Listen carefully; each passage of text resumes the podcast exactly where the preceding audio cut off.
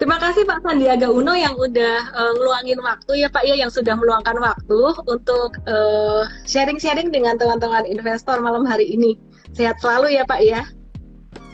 Sehat Ellen dan terima kasih udah ngundang di acara keren banget dan ada wow hampir 4.000 3.700 yang gabung di sini.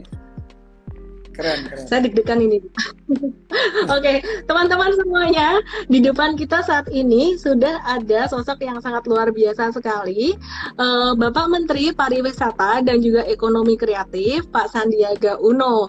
Nah, malam hari ini tema kita adalah kita mau ngobrolin tentang ekonomi kreatif untuk kemerdekaan finansial. Nah, Pak Sandiaga Uno, nanti kita akan ngobrol-ngobrol banyak nih, nanya-nanya tentang mungkin uh, perjalanan Pak Sandiaga Uno juga waktu dulu membangun uh, karir sebagai seorang entrepreneur.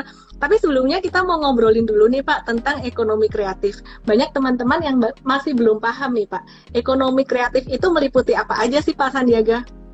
Oke, okay, um, thank you Ellen dan teman-teman yang udah gabung di acaranya talk show Ellen May. Uh, pertama-tama selamat uh, Hari Raya Kemerdekaan besok.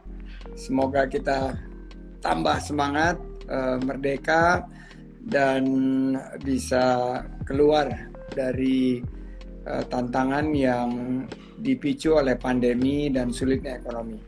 Jadi ekonomi kreatif ini adalah um, meliputi 17 subsektor dan sudah melalui undang-undang uh, ditetapkan 2019 itu uh, subsektor ini dikelola uh, dan dibina oleh Kementerian Pariwisata dan Ekonomi Kreatif.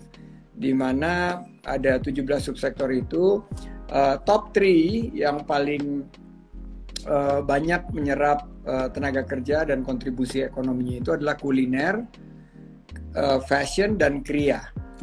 Jadi itu hmm. yang tiga teratas itu kuliner, uh, yang kedua itu adalah uh, fashion uh, untuk busana dan uh, selanjutnya kria. Mereka bertiga ini, tiga subsektor ini ada kontribusinya hampir mencapai 70%. Tapi ada lagi um, subsektor-subsektor lain yang secara cepat sekarang uh, beranjak naik dari segi kontribusinya terhadap ekonomi dan lapangan kerja, yaitu sektor aplikasi dan sektor gaming uh, atau pengembangan permainan. Jadi uh, seperti aplikasi teknologi kayak Gojek, kayak uh, Tokopedia itu juga masuk di sektor aplikasi uh, dan mereka nanti gabung uh, dan uh, Ellen May akan lihat bahwa gabungan ini dalam hitungan mungkin nggak lama lagi akan menjadi the highest market cap di setelah aplikasi gaming, gaming juga ini lagi growing very fast uh, dan television and radio. Uh, televisi and radio juga di tengah-tengah pandemi banyak yang dulu bilang sunset industry sekarang malah booming. Uh, and like crazy karena ada streaming dan ini uh, eh, TV dan OTT juga salah satu uh, subsektor yang uh, sekarang bisa dibilang sebagai pandemic winner. Dan ada lagi subsektor lain seperti desain, arsitektur, animasi, uh, dan beberapa sektor lainnya yang uh, akhirnya menjadi 17 subsektor yang ada di bawah ekonomi kreatif. Gitu Ellen. Oke, terima kasih banyak Pak Menteri. Ya, jadi sebelum saya lanjutkan nih untuk pertanyaan yang berikutnya, uh, selamat memperingati Hari Kemerdekaan Indonesia ya. Besok teman-teman semuanya, semoga semangat kemerdekaan ini juga bisa membuat kita semakin semakin semangat lah melewati pandemi ini dengan lebih baik lagi. Oke, uh, Pak Menteri, saya mau nanya nih Pak Jadi gimana sih caranya teman-teman semuanya ini bisa merdeka finansial dengan melakukan ekonomi kreatif? Mungkin melakukan pivoting di mana bisnis teman-teman saat ini tuh banyak yang mereka sedang terkendala karena pandemi. Dan sepertinya ekonomi kreatif tadi sudah disampaikan Pak Menteri juga bahwa e, beberapa bidang itu justru malah diuntungkan pada masa pandemi ini. Mungkin e, gimana arahan dari Pak Menteri supaya bisa mereka memperbaiki memperbaiki finansialnya, bisa merdeka finansial dengan ekonomi kreatif ini.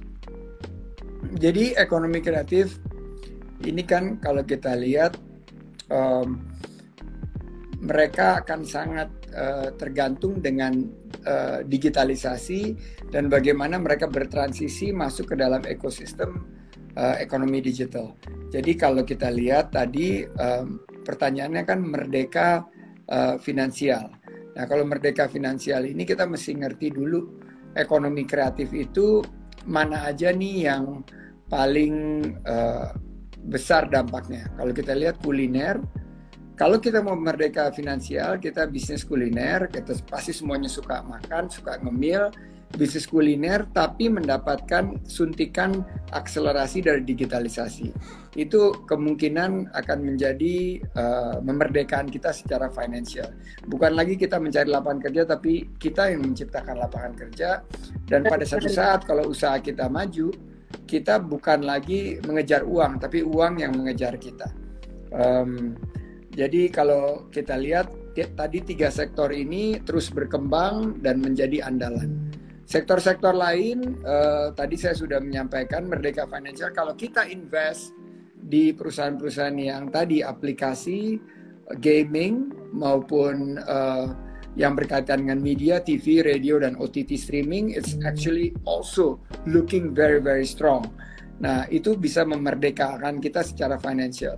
Nah, ekonomi kreatif ini juga ragamnya uh, cukup banyak ya, seperti arsitektur di mana pun juga kalau kita ingin masuk ke dalam uh, industri 4.0 dengan teknologi arsitektur juga bisa memerdekakan kita secara financial. Desain interior ini orang tadinya hobi tapi ini sekarang dengan adanya booming post pandemi di Amerika permintaan terhadap uh, jasa desain interior itu meningkat secara uh, drastis. Desain komunikasi visual, desain produk uh, film, animasi dan video. Uh, fotografi ini juga kalau kita mau merdeka secara financial, menekuni fotografi, um, apalagi dengan adanya Instagram, dengan adanya TikTok, uh, dibutuhkan uh, teknik fotografi yang baik. Uh, selain itu uh, juga kita lihat adalah uh, berkaitan dengan periklanan dan penerbitan. Tetap aja di tengah-tengah revolusi industri 4.0 uh, periklanan akan uh, sangat meningkat secara tajam. Tadi saya sudah mention televisi dan radio. Dan terakhir seni pertunjukan dan seni rupa. Ini juga kadang-kadang mereka bilang oh ini sunset industry enggak juga. Kemarin saya ikutan untuk meluncing This is Indonesia sama Atta Halilintar. Uh, sekarang number one topik di uh, number one trending di YouTube Indonesia dan worldwide udah number 20. Berarti kalau kita bisa seni kita kemas pertunjukan itu dalam bentuk digitalisasi dan seni rupa ini juga menjadi uh, bagian daripada digital gallery ini luar biasa. Dan benang merah yang menyatukan 17 subsektor ini adalah digitalisasi. Jadi menurut saya merdeka secara financial itu adalah memastikan kita masuk ke dalam uh, ekosistem ekonomi digital. Nah, saya melihat bah, ada dua sisinya ya. You become an entrepreneur yourself atau you become uh, you you become an investor that manage investments di dalam uh, 17 subsektor ini. Nah, saya selalu bilang bahwa uh, silahkan memilih. Saya waktu dulu uh, karena keunggulan saya di pengetahuan saya banyaknya di keuangan dan investasi, saya fokus di keuangan dan investasi dan uh, pola kewirausahaan saya uh, berangkat dari uh, keuangan dan investasi. Jika saya ingin masuk ke dalam satu um, misalnya sektor seperti pertambangan, tadi Ellen bilang uh, batu bara atau pertambangan emas. Saya mencari mitra yang memang memiliki kemampuan yang mumpuni mengelola investasi uh, dengan kemampuan operasional dan manajemen yang kuat. Oke, menarik sekali ya Pak ya. Terakhir tema tentang ekonomi digital ini banyak sekali uh, dibahas dan juga sempat menjadi hype trending topik di kalangan teman-teman investor pasar modal. Nah, mungkin uh, karena malam hari ini kita mau lebih banyak belajar dari sisi personal dari Pak Menteri Sandiaga Uno, teman-teman bicara tentang ekosistem ekonomi digital. Saya sangat tadi sangat inspired sekali dengan apa yang dikatakan oleh Pak Menteri, di mana uh, Pak Sandiaga Uno mengatakan bahwa pola kewirausahaan beliau berangkat dari keuangan dan juga investasi. Ada pilihannya di mana kita bisa mendapatkan manfaat dengan melaksanakan uh, ekonomi digital ini sendiri atau kita berinvestasi di perusahaan tersebut. Nah, lebih detailnya tentang hal itu teman-teman mungkin kita akan bahas pada seminar Zoom tanggal 21 Agustus dan acara ini gratis buat teman-teman semuanya. Langsung aja ke mtrade.id garis miring SODV pasukan kodenya Merdeka, Merdeka ya. Jadi nanti ada Pak Sandiaga Uno juga ya. Teman-teman sementara untuk komen di sini saya ilangin dulu untuk note-nya, nanti kita akan tampilkan lagi. Dan saya mau nanya lagi nih, yang berikutnya untuk uh, Pak Menteri. Mungkin pertanyaan kita agak di luar list sedikit ya Pak ya, karena beberapa saya kembangkan dari ini diskusi. Nah Pak Menteri saya mau nanya nih Pak, uh, kira-kira dari pemerintah sendiri ada nggak uh, rencana pastinya ada dong ya plannya apa aja sih untuk memajukan ekonomi kreatif ini untuk mendorong teman-teman dalam industri ekonomi kreatif kira-kira plan dari pemerintah dari Pak Menteri sendiri gimana Pak? Jadi kita Ellen harus melihatnya itu dalam konsep uh, holistik ya 360 derajat. Uh, karena saya dulu juga adalah seorang pengusaha, uh, saya membangun usaha dari nol, pernah merasakan menjadi usaha kecil uh, dan berkembang menjadi usaha menengah dan terakhir usaha kita sudah bisa membuka lapangan kerja bagi 30 ribu karyawan. Saya mengerti sekali fungsi pemerintah itu mestinya memfasilitasi dengan tiga tools yang dimiliki oleh pemerintah. Pertama adalah kebijakan. Kebijakan kita harus mampu menciptakan dorongan agar ekosistem kita lebih berkembang, lebih berkualitas, lebih berkelas dunia. Jadi uh, itu yang kita harus hadirkan. Ekosistem ini harus berdaya saing dengan kebijakan-kebijakan kita yang friendly kepada uh, investasi dan membuka lapangan kerja dalam konsep uh, bagaimana kita bisa mencapai prosperity, kesejahteraan, tapi adil dengan uh, tentunya uh, keberpihakan kepada elemen-elemen ekonomi bangsa.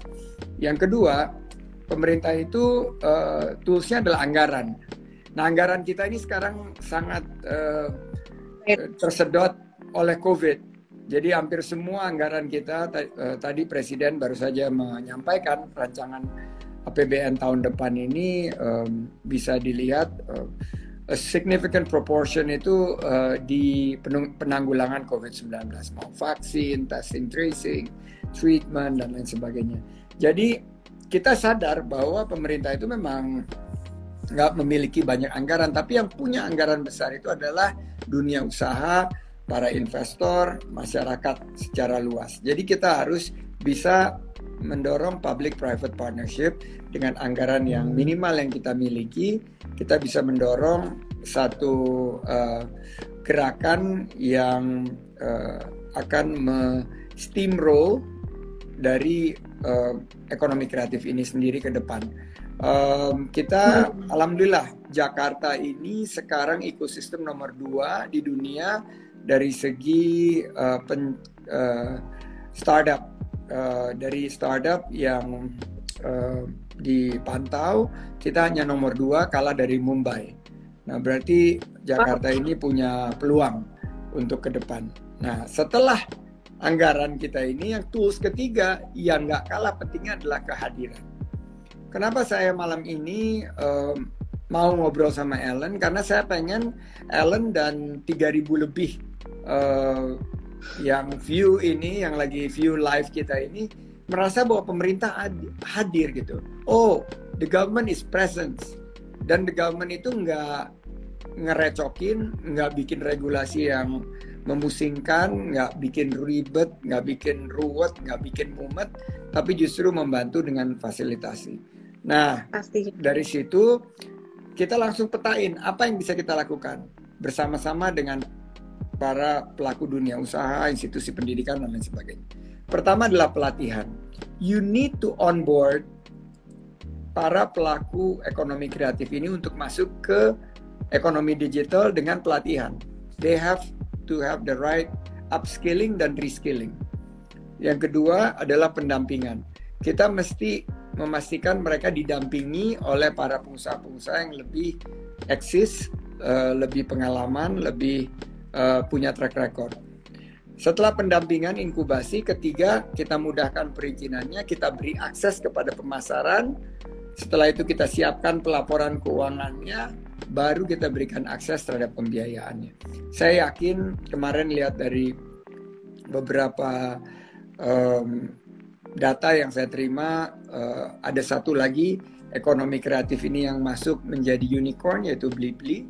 Uh, dan ada satu lagi edutech uh, yang juga menggunakan aplikasi bagian daripada uh, um, eko, uh, eko, bagian dari ekosistem ekonomi digital kita, ruang guru, dan beberapa perusahaan-perusahaan lain ini udah mendekati taraf uh, unicorn juga yang ada di health tech. Uh, jadi ekonomi digital ini walaupun di health, tapi begitu ada aplikasinya, jadi uh, bagian daripada kita untuk ikut uh, memfasilitasi. Jadi saya semangat banget, pemerintah punya uh, peluang untuk terus uh, mendorong dan tadi yang saya bilang bahwa saya 2-3 tahun yang lalu sudah memprediksi bahwa perusahaan-perusahaan yang besar kayak Exxon, kayak uh, PetroChina itu nggak akan lama menempati tangga-tangga perusahaan terbesar di dunia. Bank-bank itu juga selama mereka nggak melakukan uh, transformasi, sebentar lagi akan tergantikan oleh perusahaan-perusahaan uh, berbasis teknologi dan perusahaan-perusahaan ini adalah perusahaan uh, ekonomi kreatif. Menarik sekali, menarik sekali. Teman-teman semuanya, uh, malam hari ini sekali lagi kita sedang berbicara dengan Pak Sandiaga Uno, Menteri Pariwisata dan Ekonomi Kreatif. Mohon maaf sebelumnya Pak Sandiaga Uno. Teman-teman kita ini dari follower saya, ini uh, sebagian besar dari mereka adalah pecinta investasi di pasar modal, pecinta investasi saham. Jadi saya mohon izin untuk sedikit mentranslate tadi uh, apa yang Pak Sandiaga Uno pesankan buat teman-teman semuanya. Teman-teman yang di investor saham, tadi sebenarnya Pak Sandiaga Uno, Pak Menteri, ada menyebut beberapa sektor yang cukup menarik loh. Yang pertama adalah sektor digital, gaming, kemudian uh, media, kemudian kalau saya nggak salah juga, mohon dikoreksi Pak jika ada yang salah, uh, sektor telekomunikasi, terus kemudian digital juga, digital banking di sini, dan kemudian di situ juga disebutkan tadi uh, ada edutech seperti ruang guru, beli-beli, dan sepertinya ke depan juga akan ada rencana IPO dari uh, beberapa unicorn di Indonesia yang pastinya akan menambah kapitalisasi di pasar modal Indonesia. Tentang hal itu teman-teman kita akan bahas lebih detail pada tanggal 21 nanti. Saya kasih tahu cara gampang ikut uh, acara ini sebenarnya tinggal download aplikasi Mtrade aja sih. Tinggal download aja aplikasi Mtrade, nanti tanggal 21 kita akan kasih reminder buat teman-teman semuanya. Bisa juga ke mtrade.id garis miring SODV masukkan kode merdeka. Jadi dua cara itu bisa. Nanti kita akan belajar lebih lanjut dengan Pak Menteri Pariwisata dan Ekonomi Kreatif Pak Sandiaga Uno. Pertanyaan berikutnya, Pak Menteri. Saya ini sangat mengagumi sekali sosok seorang Sandiaga Uno dari dulu banget. Jadi sekarang saya ini sangat, sangat senang sekali bisa interview Bapak dan deg-degan. Jadi saya mengagumi sosok uh, Pak Sandiaga Uno ini sebagai seorang uh, serial entrepreneur yang sangat luar biasa. Nah, sebelum kita ngobrol secara khusus mungkin ya nanti ada yang saya tanyakan tentang Saratoga ya sa tentang Saratoga. Tapi saya pengen tahu Pak Sandi, awalnya tuh gimana sih perjalanan Pak Sandi yang tadi dari nol hingga menjadi merdeka finansial? Mungkin boleh diceritakan Pak Menteri. Justru merdeka finansial itu adalah um, salah satu jadi saya tuh nggak pernah uh, bermimpi untuk menjadi entrepreneur. Saya dulu profesional dan saya pernah kerja di dealing room. Tapi ngomong-ngomong nih m ini juga masuk ekonomi kreatif loh karena kalian aplikasi. Jadi uh, itu yang saya mau bilang tadi. Terima jadi kasih. karena kalian aplikasi dan kita doain kalian bisa nyaingin Robin Hood.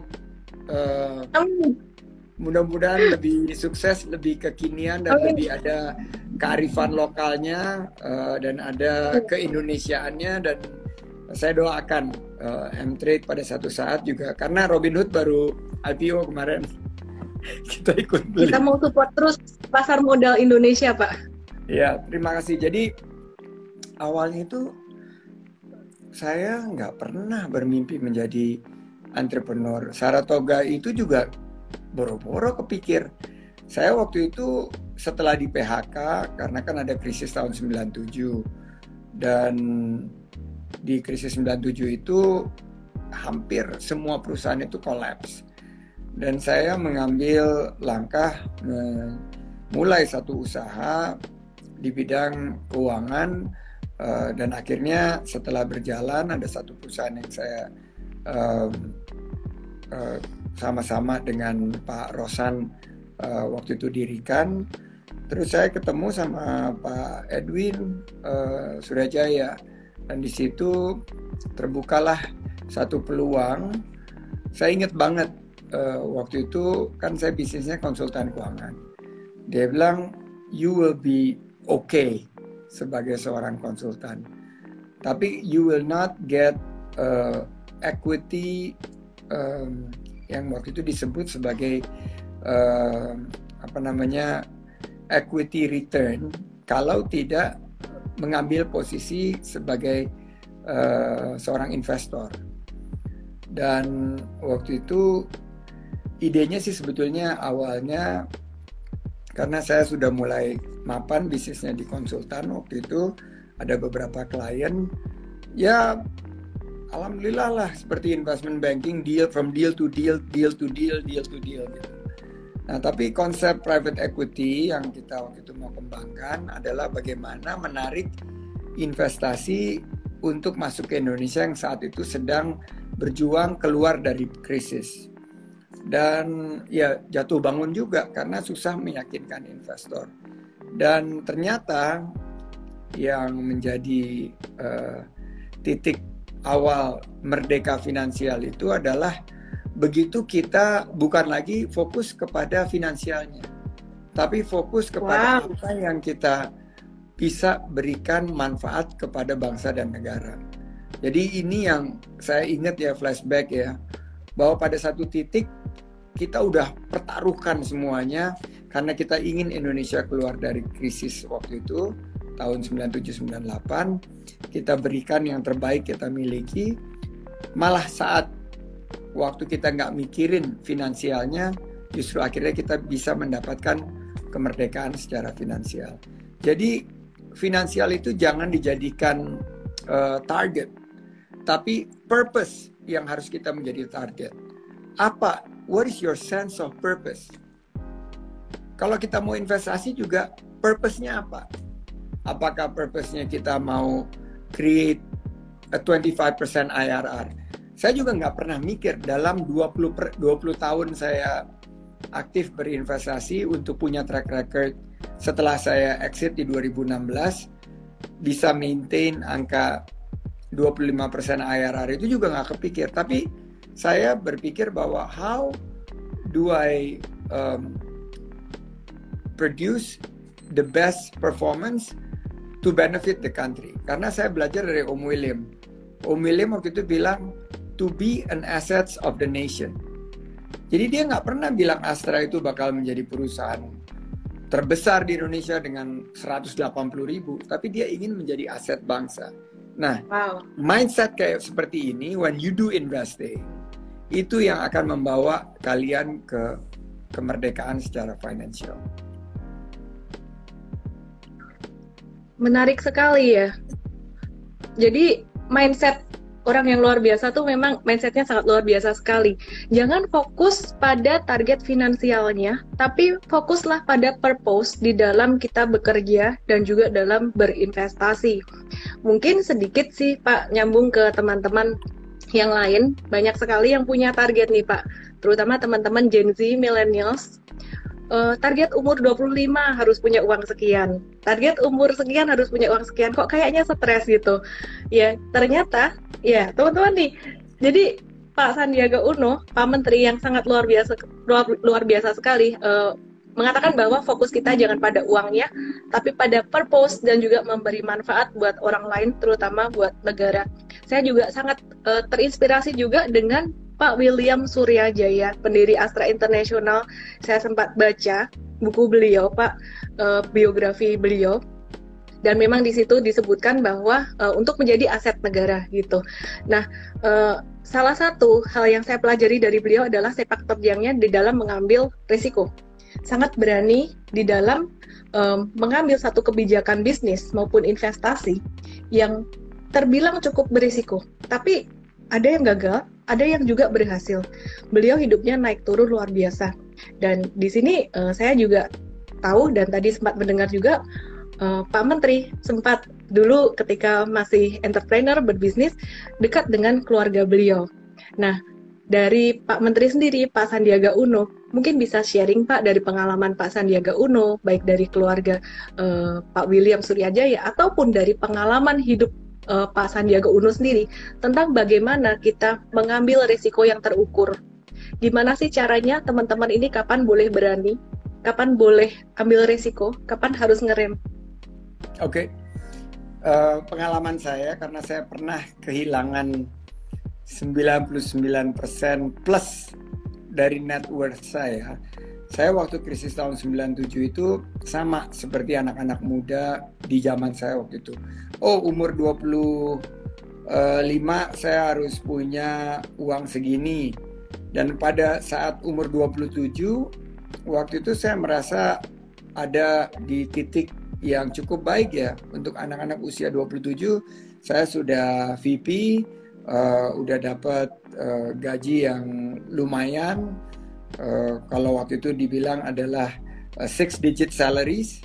Uh, dulu itu kalau six digit salaries atau six digits compensation itu udah masuk ke uh, pencapaian yang sangat bagus dan belum dapat fringe benefit dan lain sebagainya. Tapi begitu krisis menghampiri kita dan kita nggak pernah prediksi, boom, you will lose that entirely. Dan malah saya berhutang karena pada saat itu mortgage, terus ada utang kredit card, utang cicilan mobil dan lain sebagainya. Jadi belajar dari sana uh, dan juga ngomong sama Pak William, saya tuh beruntung karena Pak William menyediakan waktu uh, sebulan dua kali makan siang dan memberikan semacam impromptu kuliah lagi makan siang gitu loh. Uh, dan kita mendengar aja sih konsep-konsepnya dia dia dia nggak nggak ada papan tulis terus ngejelasin tapi pemikiran-pemikiran dan pengalaman-pengalaman dia dalam berbisnis. Dan ternyata eh, bahwa kita untuk eh, membangun sesuatu itu harus eh, konsepnya dia itu adalah bahwa kita harus memberikan kepuasan kepada kepada investor kita kepada uh, lingkungan sekitar kita. Jadi kebermanfaatan itu yang terpenting. Apa manfaat kita yang bisa dirasakan? Itu yang pertama. Uh, yang kedua, saya ingat banget waktu itu dikenalin sama beberapa. Uh, jadi Pak William itu senangnya ngelihat anak-anak muda terus dikasih saham gitu. Eh, kamu idenya apa?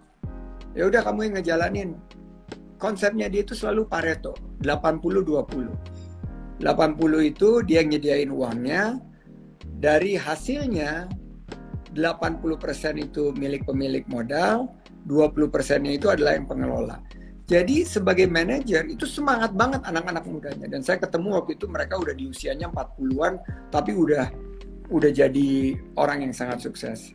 Dan konsep Pareto itu yang akhirnya ternyata sama dengan uh, apa model yang dilakukan oleh private equity di mana kita selalu menyiapkan 80-20 rule. Jadi pemodal itu mendapatkan 80, pengelola mendapatkan 20. Nah dari program-program itulah lahirlah Teddy Rahmat, Benny Subianto, Boy Tohir, dan banyak termasuk Jerry Eng yang baru saja masuk ke dalam didikannya Astra. Mereka itu satu batch sama saya semuanya. Saya lihat, wah ternyata dia punya visi yang sangat uh, uh, ya boleh dibilang way ahead of his time. Um, konsep dia untuk memberdayakan. Terus pada saat ada satu bisnis kan nggak semua bisnis sukses. Terus ada satu bisnis yang misalnya jebol, si yang 20% itu kan pusing kan. Nggak, uh, apa sih pengelola itu mesti merestrukturisasi segala macam dan akhirnya pada satu saat dia uh, mengambil alih dan dia membail out. Saya tanya kenapa mesti di bail out itu uh, apa usaha itu kan si Om nggak perlu uh, apa namanya menyelamatkan mereka. Dia bilang salah kamu. Ini anak-anak muda yang berprestasi. Kalau dia nggak bisa menyelesaikan permasalahannya, dia nggak akan bisa memulai bisnis yang baru. Jadi harus diselesaikan. Saya yang tanggung jawab. Dan dari kejadian itu banyak sekali di mana orang-orang yang diselamatkan Om William itu memulai bisnis lagi dan setelah memulai bisnis lagi sukses dan keuntungannya jauh lebih berlipat dari apa yang ditutupi oleh Om William. Jadi itu konsep venture. Venture capital itu mulanya dia juga. Jadi dia tuh venture, dia dia invest di orang dan kalau rugi ya sudah. Namanya juga dari 10 investasi mungkin empat yang sukses, empat biasa-biasa aja, dua yang harus rugi. Nah itu juga konsep yang kami bawa di Saratoga waktu itu. Nah tapi uh, he's one of a special kind. Menurut saya jarang sekali saya menemukan uh, tokoh sekelas William Suryajaya ya. Mungkin sekarang lebih banyak karena saya udah banyak di pemerintahan. Saya nggak nggak banyak ketemu uh, pebisnis-pebisnis, tapi sosok beliau ini yang luar biasa dan uh, kalau followernya Ellen belum baca, Man of Honor itu bukunya saya sangat rekomend baca buku itu dan Betul.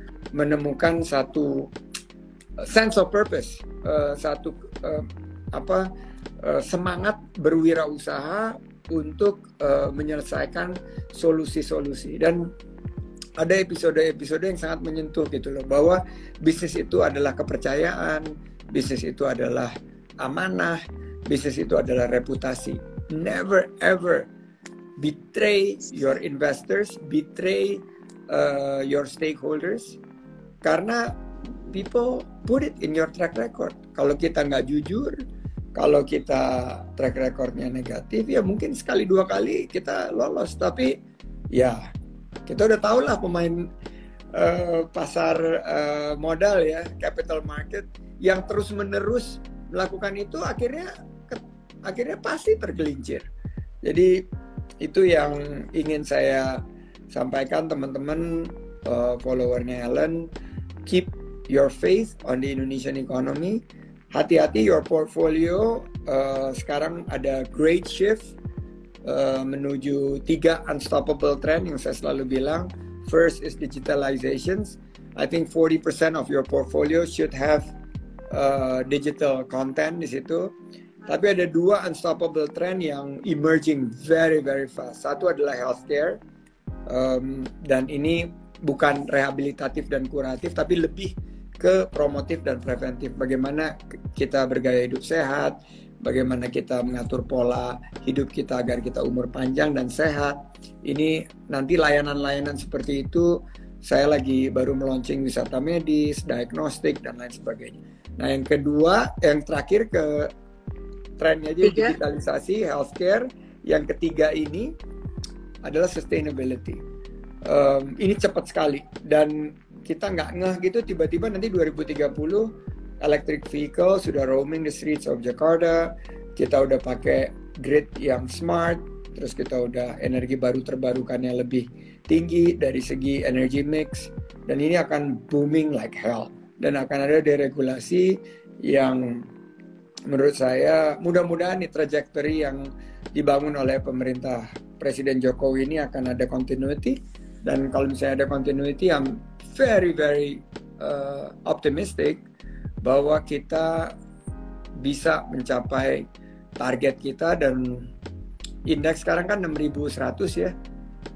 Uh, mungkin saya udah udah menebak waktu 2017 waktu itu indeks 3000 uh, high 3000 low 4000 saya bilang uh, by end of the year setelah uh, Pilgub Jakarta waktu itu dan purely because of stability of politics, the stability of economy and the right uh, policy mix uh, kita bisa nembus 5000 dan sekarang kita dari 6000. Jadi pada satu saat nanti Pertamina anak perusahaannya IPO, energi baru terbarukan yang lebih banyak, terus banyak lebih banyak hospitals atau healthcare company yang IPO dan lebih banyak digital company yang juga selain Bukalapak nanti ada GoTo, nanti mungkin ada Blibli dan lain sebagainya fintech dan lain sebagainya itu akan uh, menciptakan indeks yang sangat strong ya. Dan saya nggak nggak mungkin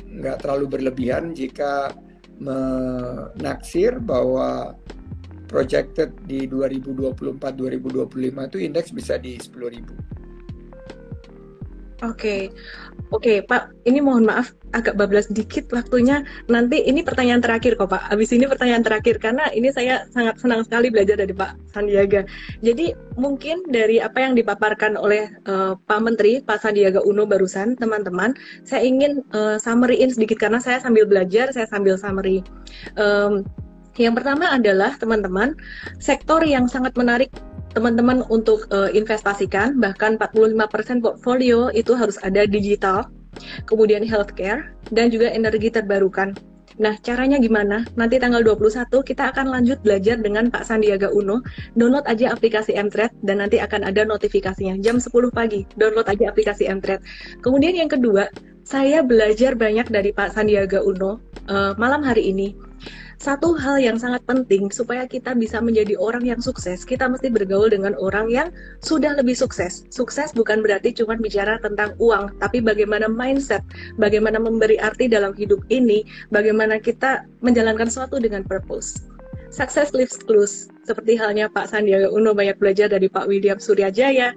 Saya juga kepengen Pak Sandiaga Uno jadi muridnya Pak Sandiaga Uno. You are already. Dan mudah mungkin Nanti, saya lebih banyak belajar dari Ellen. Karena uh, Nanti Ellen habis... lebih lebih sekarang lebih banyak exposure ke capital market. Saya udah udah nggak terlalu udah nggak terlalu ngikutin lagi. Tapi saya ngerti filosofi-filosofi. Tadi Ellen nanya mengenai uh, Pak William Surajaya. Tapi waktu saya membangun Saratoga itu ada satu sosok juga seperti Warren Buffett yang I closely watch. I said, gimana caranya ya dia bisa 40 tahun kalau kita kan baru 20 tahun bisa memprodu uh, apa memproduce good returns. Itu. Tapi ini ini 40 tahun Warren Buffett, Berkshire Hathaway ini gimana caranya? Ternyata kita dapetnya itu, dari pola, pola hidupnya dia. Pola hidupnya dia itu yang uh, looking for value, sederhana. Itu salah salah satu hal, hal yang sangat penting seorang hmm. good investor itu sederhana karena gimana? Karena kalau dia sederhana pasti he's looking for value. Nah, value investing hmm. itu artinya membeli sesuatu yang harganya uh, tidak mahal tapi prospeknya sangat tinggi. Jadi mungkin jadi jangan pernah bilang beli investasi itu murah. Tapi harganya itu dan prospeknya itu memiliki peluang untuk uh, capital appreciation. Jadi uh, nanti kita tanggal 21 Agustus kita bisa bahas lebih lebih detail lagi. Tapi waktu saya membangun Saratoga sama Pak Edwin, kita banyak uh, modeling apa yang dilakukan oleh Warren Buffett dan pada satu titik waktu kita sehabis IPO 2-3 tahun setelah itu banyak yang menyebut bahwa kita the Berkshire of Indonesia. Jadi kita tanyakan sumbernya kita iya. membuka tapi sekarang saya juga happy banget. Karena udah ada lagi kita udah menelurkan um, generasi berikutnya. Dari um, good invest investor apa good investment company kayak Northstar terus ada beberapa lagi yang come dari stable kita. Karena kita merupakan generasi pertama yang menjadi perusahaan private equity dan setelah itu diikuti oleh perusahaan-perusahaan lain dan they're all doing well sekarang. Saya saya sangat bangga dan bahagia dan inilah salah satu yang tadi bahwa we're not looking for the finance tapi we're looking for the sense of purpose dan sense of purpose ini semakin banyak orang-orang sukses semakin banyak investor-investor yang maju negara kita akan semakin uh, sejahtera itu yang harusnya menjadi tujuan kita. Bicara tentang Saratoga, Pak. Tadi sebenarnya saya mau nanya, banyak yang bilang Saratoga ini adalah Berkshire Hathaway-nya Indonesia. Nah, ini uh, karena mungkin tadi Bapak juga sempat mention juga ya, karena filosofi investasi pendiri perusahaan yaitu Pak Sandiaga Uno dan juga keluarga Surya Jaya yang sejalan dengan Warren Buffett. Nah, mungkin kalau Pak Sandiaga Uno sendiri uh, bisa kasih sedikit komen nggak Pak tentang uh, Saratoga meskipun saat ini Pak Sandiaga Uno sudah aktif di pemerintahan ya. Mungkin bisa cerita sedikit tentang uh, value-value-nya dari Saratoga ini gimana dan kemudian bagaimana Saratoga ini memilih portofolio investasi. Tadi mungkin sudah dijelaskan sedikit tentang value investing, tapi perusahaan seperti apa sih yang Saratoga suka dan culture Saratoga ini gimana? Saratoga itu pendekatannya fundamental investing. Jadi serupa dengan Berkshire Hathaway ini kita nggak pernah stock picking, tapi kita melihat uh, industri dan sektor secara uh, boleh dibilang uh, sangat luas ya. Jadi karena kita Indonesia fokus, dulu kita sempat mau berpikir Southeast Asia. Jadi kita di awal-awal saya tuh ada investasi di uh, Singapura, ada investasi di Myanmar, tapi kita understand bahwa kita bread and butter Indonesia jadi kita fokus aja di Indonesia. Nah, kita pilih dulu awalnya uh, sektor sumber daya alam. Terus kita bilang sumber daya alam kita harus diversify ke sektor infrastruktur. Uh, di tahun ke-7 Saratoga kita diversify lagi ke consumer goods and services. Jadi kita melihat ekonomi Indonesia kan di drive dari uh, konsumsi terutama konsumsi rumah tangga. Jadi kita harus aktif di perusahaan yang memproduce consumer goods and services. Tapi juga kita ini adalah commodity economy. Jadi eh, sangat bergantung terhadap bukan hanya US dollar tapi juga commodity base. Jadi kita investasi di sumber-sumber daya alam tapi kita ingin mendorong hilirisasi daripada investasi tersebut. Nah, berangkat dari situ kembali akhirnya bahwa kita mencari investasi itu baliknya kepada orangnya. Jadi sebelum kita berinvestasi itu kita melihat who will manage it dan what sets of values yang mereka punya gitu. Apakah mereka share value yang sama yaitu value kerja keras, kerja cerdas, kerja tuntas dan kerja ikhlas. Ikhlas ini penting karena ya you operate di bisnis bahwa kadang-kadang ikhtiar kita udah maksimal tapi hasilnya kan yang menentukan yang di atas. Jadi kita uh, value itu kita tanamkan. Kita juga menanamkan uh, focus and professionals. Jadi orang-orang di uh, Saratoga itu harus uh, memiliki uh, bahwa mereka mengerti bahwa apa yang dia jalankan itu adalah uh, sesuatu yang mengemban amanah, apalagi kita dipercaya mengelola dana orang lain. Jadi um, sekarang saya sudah meninggalkan Saratoga lebih dari lima tahun. Value itu belum berubah dan manajemen sekarang yang sudah dikelola oleh profesional, I still maintain very good relationship sama mereka. Dan kalau sekarang saya disuruh lihat uh, top layer, second layer sama third layernya, saya udah ngerti karakter mereka seperti apa dan orang-orang yang akan di hire di Saratoga juga seperti apa bisa saya tebak karena sistemnya sudah terbentuk gitu loh. Jadi uh, saya berbahagia ini sudah uh, lima tahun lebih saya uh, tidak aktif di Saratoga tapi mereka masih continue the tradition of uh, producing very good return for shareholders uh, dan uh, ya kita sudah mulai beranjak ya kepada teknologi ya. Dulu waktu zaman saya portfolio saya terlambat kita masuk di teknologi tapi sekarang kita sudah mulai masuk secara uh, lebih aktif di teknologi. Kita juga sudah di healthcare. Uh, di zaman saya kita pertama kali branching into healthcare. Dan terakhir yang sustainable uh, business ini uh, portfolio companies kita kita dorong untuk masuk ke uh, sustainability based business. Gitu Mbak Ellen. Terima kasih. Oke okay. okay. terima kasih banyak waktunya yang sangat berharga Pak Menteri Sandiaga Uno. Ya jadi uh, malam hari ini daging semuanya dan pastinya kita masih looking forward untuk belajar terus dari Pak Menteri. Tanggal 21 jam 1 siang teman-teman mohon maaf tadi saya salah sebut langsung aja download aplikasi Mtrade dan teman-teman akan terima informasinya di situ di banner. Kita akan belajar dengan Pak Sandiaga Uno dan jika uh, Pak Devin, CEO dari Saratoga berkenan, saya akan coba invite beliau juga. Pastinya kita akan banyak ngobrol tentang ekonomi kreatif di tanggal 21 nanti dan juga tentang strategi berinvestasi ala Pak Sandiaga Uno. E, kerja keras, kerja cerdas, kerja ikhlas, dan terus amanah. Sehat selalu Pak Menteri Sandiaga Uno. Terima kasih Terima banyak kasih. waktunya. Terima kasih Alan. I'll see you later. God bless you. Bye-bye. Selamat malam, Pak. Oke. Okay teman-teman semuanya. Ya, itu tadi uh, live bersama dengan Pak Sandiaga Uno. Saya deg-degan teman-teman. Ya, meskipun Pak Sandiaga Uno-nya udah udah udah live, boleh ditulis di sini dong teman-teman. Thank you Pak Sandiaga, thank you Pak Sandiaga gitu ya. Jadi sebagai satu uh, apresiasi, terima kasih Pak Menteri, boleh ditulis di situ. Terima kasih buat semua teman-teman yang sudah bergabung uh, malam hari ini ya buat teman-teman yang sudah bergabung malam hari ini.